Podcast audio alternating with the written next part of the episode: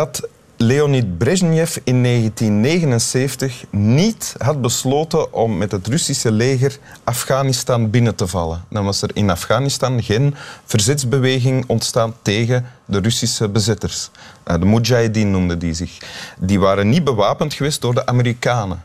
Eh, de Mujahideen uit de Mujahideen zou nadien niet de Taliban en Al-Qaeda ontstaan zijn. Dus zouden de WTC-torens niet zijn uh, gevallen. En zou er nadien ook geen oorlog zijn uh, geweest in Irak? Want er was een vergelding daarvoor. Uh, dus zou IS ook niet ontstaan zijn. Dus geen aanslagen in Parijs, Istanbul, Londen, Brussel, Madrid, noem maar op. Vandaar dat ik nu, als er op dit moment machtshebbers zijn die naar winteruur kijken, aan die machtshebbers zou willen vragen, denk even terug aan wat Leonid Brezhnev besloot in 1979. En als u vandaag een beslissing te nemen hebt, denk dan misschien gewoon vandaag niks doen en de mensen met rust laten. Voilà. Welkom, Mauro Pavlovski. Dank u wel. Uh, welkom, Boris. Mauro Pavlovski. Uh, de beste gitarist van Vlaanderen, België, Europa, de wereld. Misschien wel icoon ook van de Limburgse Cool, samen met Stijn Meuris, Kim Kleisters en uh, Dennis Blackmagic. Ja. Uh, dat vat jou ongeveer samen, denk ik. Dat is het Pantheon, ja. ja. Ook bekend als uh, Maurits Pauwels, Pauwels tegenwoordig. Maar je zit hier niet in hoedanigheid van Maurits Pauwels. Nee, want ik heb mijn hoed niet op. Als ik een hoed op heb, ben ik Maurits Pauwels. Eender welke hoed? Nee, uh, de hoed van Maurits Pauwels die in elke winkel te verkrijgen is. In, in elke hoedenwinkel. Geen speciale hoed of een exotische hoed. Gewoon de hoed van Maurits Pauwels. Ah, ja, ja. Maar en als ik die verlies, dan koop ik gewoon een nieuwe. Ah ja, ja. Oké, dat kan. Dat kan, Goed. En je hebt een tekst meegebracht? Jazeker. Ja, wil je die voorlezen? En of. Vreemde verboden. Kussen in de trein. Frankrijk. Een varken Napoleon noemen. Frankrijk. Het gazon sproeien terwijl het regent. Canada. Een rok dragen als man. Italië. Hengelen op zondag. Schotland. Dronken zijn als koeienbezitter. Schotland. Wasgoed buiten hangen op zondag. Zwitserland. Een roze broek dragen op zondag. Victoria, Australië. Huilen in de beklaagdenbank, Los Angeles, VS. Een ezel in de badkamer stallen, Arizona, VS. Soep slurpen, New Jersey, VS. Zingen in bad, Pennsylvania, VS. Wat is dit? Uh, dit komt uit een boek Lof der Onzen. En uh, het gaat um, over iemand die uh, een socioloog en een encyclopedist of zoiets, uh, die onzin verzamelt, literaire onzin, uh, met de achterliggende gedachte dat het vermogen om ons te vergissen is veel imposanter dan het vermogen achter de waarheid te komen. Je citeert nu van de achterflap. Van de achterflap. Dat laatste, ik vind dat, want zelf zou ik het niet beter kunnen uitleggen. okay, dat laatste doen alle planten en dieren ook. Alleen wij mensen zijn in staat de plank finaal mis te slaan. Meer, Wij kunnen ons beter vergissen. Ja, ja. En, maar dit wat je net hebt voorgelezen, ja. is een voordeel, voorbeeld daarvan? Ja. Dit, is dus echt, dit zijn wetten die bestaan in die landen. Dus, uh, bestaan of bestaan hebben? Ja, ja een van de twee. Uh, of bestaan nog, ja. Uh, maar dat is eigenlijk gewoon... dit zijn feiten of ware feiten. Dit zijn eh, wetten waar de mensen de moeite voor hebben gedaan om, om, door te drijven en uh, met invloed op de naaste omgeving.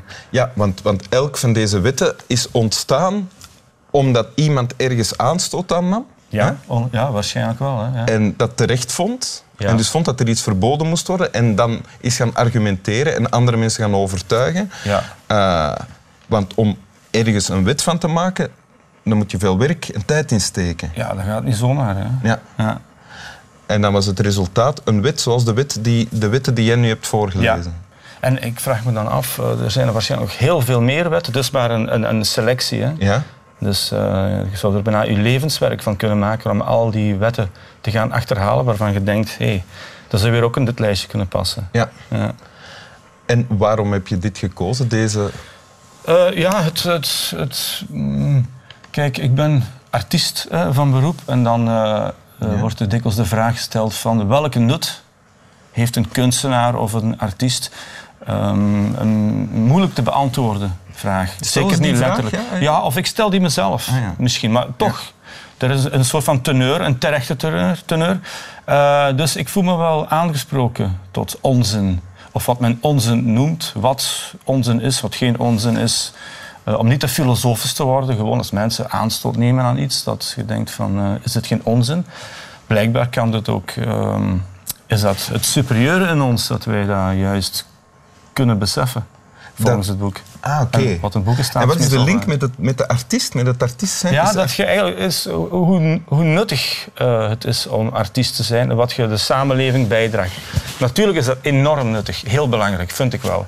Dus, maar het is niet een, een gewicht of mate uit te drukken. Mm -hmm.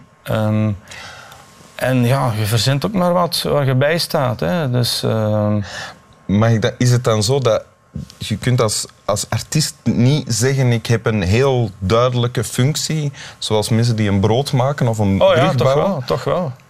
Ah, ja. Toch wel. Uh, het gaat van mensen vermaken tot laten nadenken, toch iets doen laten beseffen, tot een soort van zelfs uh, een mystieke ervaring te laten hebben of zoiets. Ja. Uh, dus voor mij is het wel of, duidelijk. Of zin, zin krijgen om te bewegen, om te leven, om te dansen? dat is op zich al een, een levensdoel waard. Uh, maar ja, ik twijfel niet aan mezelf. Het is me dat, ik, dat we daar nu over hebben, dat ik daar een beetje filosofisch van word. Hè? Ja. Zo waar. Maar uh, je mag me altijd bewusteloos slaan als het te ver gaat. Maar onzin, ik vind dat ook... Zou dat kunnen? In een, ik ja? weet waar ik je moet raken dan. Ja. Ah, oké. Okay. Het zou eigenlijk nauwelijks pijn doen ook. Ah, dat is ook wel, uh, daar ben ik wel heel benieuwd naar. Ja, oké. Okay, ja. ik ga je eerst laten uitpraten. Dat is goed. Ja. Waarvoor dank. okay. uh, ik ben de draad al kwijtgeraakt. Uh, je had het over, maar dat snap ik nog altijd niet, het verband tussen artiest zijn en onzin. Ja, um, de meeste mensen hebben met onzin te maken, maar als artiest kom je daar vooruit. Ah ja. Een, een politicus bijvoorbeeld, die kan er moeilijk vooruit komen van uh, dames en heren van het parlement, vanavond gaan we verder met de onzin van gisteren. Dat kunnen die niet maken. Nee. Een artiest wel. Ja. Dus uh, dat is het voorrecht van een artiest. En hier in dit ja. tekstje, als we het zo noemen, hè, mm -hmm. komt dat te kijken te staan dat ook daar heel veel onzin... Ja, maar is het wel onzin, vraag ik mij af. Als ik het zo lees, vind ik het... Uh, wat is dan geen onzin? Ja, dat, ik vind dat daar moeten we misschien niet in die regionen ons gaan uh, laten wegzakken. Maar uh, uh, het doet een mens wel denken, onzin. Mij toch. Misschien ja. denk ik niet genoeg dat ik hier ineens een aanval van denken krijg. ja. Stel, stel dat uit deze lijst van onzinnige verboden... Ja. Hè, stel je dat je er één moet kiezen. Ja. Eén verbod moet blijven gelden. En jij Ja. bent wetgever, jij hebt de macht. Ja, Wat zou je dan kiezen? Ja, dan zou ik gaan voor eh, het gazon sproeien terwijl het regent. Dat is wel wat dubbelop. Ecologisch, misschien een beetje stout. Hè. Ja. Dus eh, ja, of misschien naar boven sproeien, naar de wolken sproeien. Dus het gazon sproeien terwijl Ja. het regent, maar je zou wel een amendement eh, Ja, naar boven sproeien. Als je naar boven sproeit, mag het wel. ja dan wel. Ik zal verzachtende omstandigheden invoeren. Dus, Oké, goed. ja, Ja. ja, ja.